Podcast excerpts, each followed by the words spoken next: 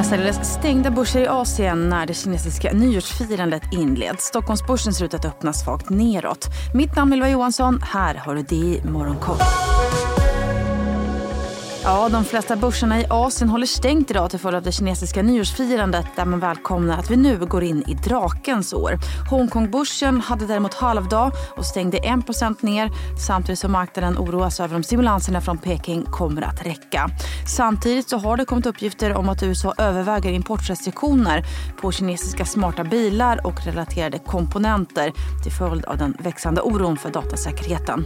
Tokyobörsen håller däremot helöppet idag och stiger nästan en halv procent och når därmed återigen nya högsta nivåer sedan 1990. Samtidigt så försvagas den japanska yenen mot dollarn efter att Bank of Japan-chefen sagt att den lätta penningpolitiken kommer att bestå även om centralbanken väljer att höja räntorna.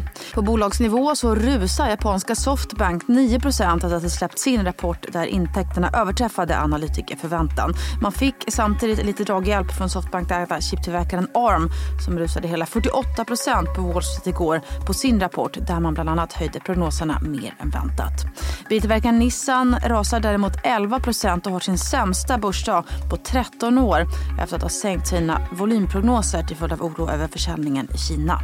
Oljepriset backar svagt under morgonen efter att ha stigit 3% igår efter att Israel nobbat Hamas förslag om en vapenvila. Brentoljan kostar 81 dollar fatet. Och det var försiktiga rörelser på Wall Street igår. Bredasbyvarvet snuddade återigen kort vid 5000-gränsen men stängde precis precis som teknik och Nasdaq precis ovanför nollstrecket.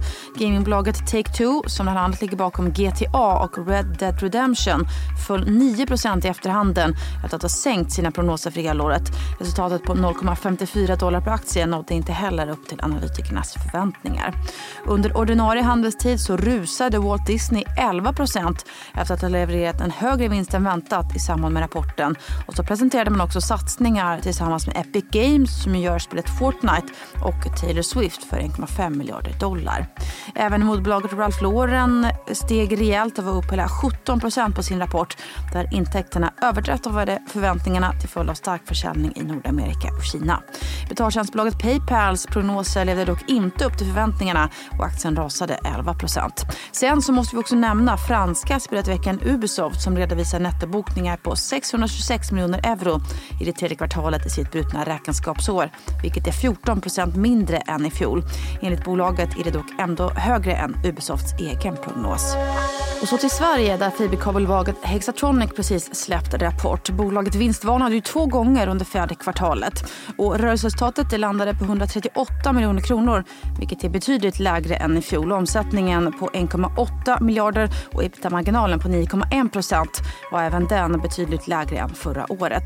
Samtidigt så meddelar man att man tog omstruktureringskostnader på 29 miljoner och spår en fortsatt svag mark marknad närmsta kvartalen.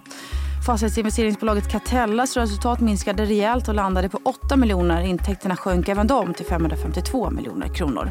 Missa inte Rapportmorgon som idag börjar 20 över 7 och där vi intervjuar bland annat vdarna från Hexatronic, Saab, Skanska och Thule. Innan vi avslutar kan vi väl också nämna lilla Alligator som släppte sin rapport strax innan börsstängningen igår där man ökade förlusten. Efter börsstängningen kom också beskedet att man beslutat om en företrädesemission om cirka 150 miljoner kronor. Mitt namn är Ylva Johansson du har lyssnat på DI Morgonkoll.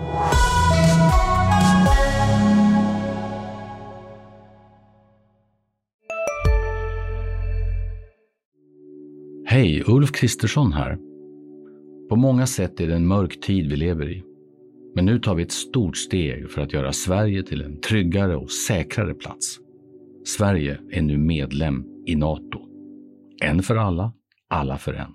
Där det finns ett samhälle, där finns det brott. Krimrummet är podden som tar brottsligheten på allvar. Jag bjuder in landets ledande experter och tar upp aktuella rättegångsfall för att begripliggöra den kriminalitet som kryper allt närmare. Du, alltså, du kan knäcka ett eller några gäng, men det kommer komma nya och så kan vi knäcka dem sen. Men att du ska knäcka allt forever, det kommer aldrig ske. Det är infinite gain. Lyssna på Krimrummet, en podd från Expressen med mig Kim Malmgren.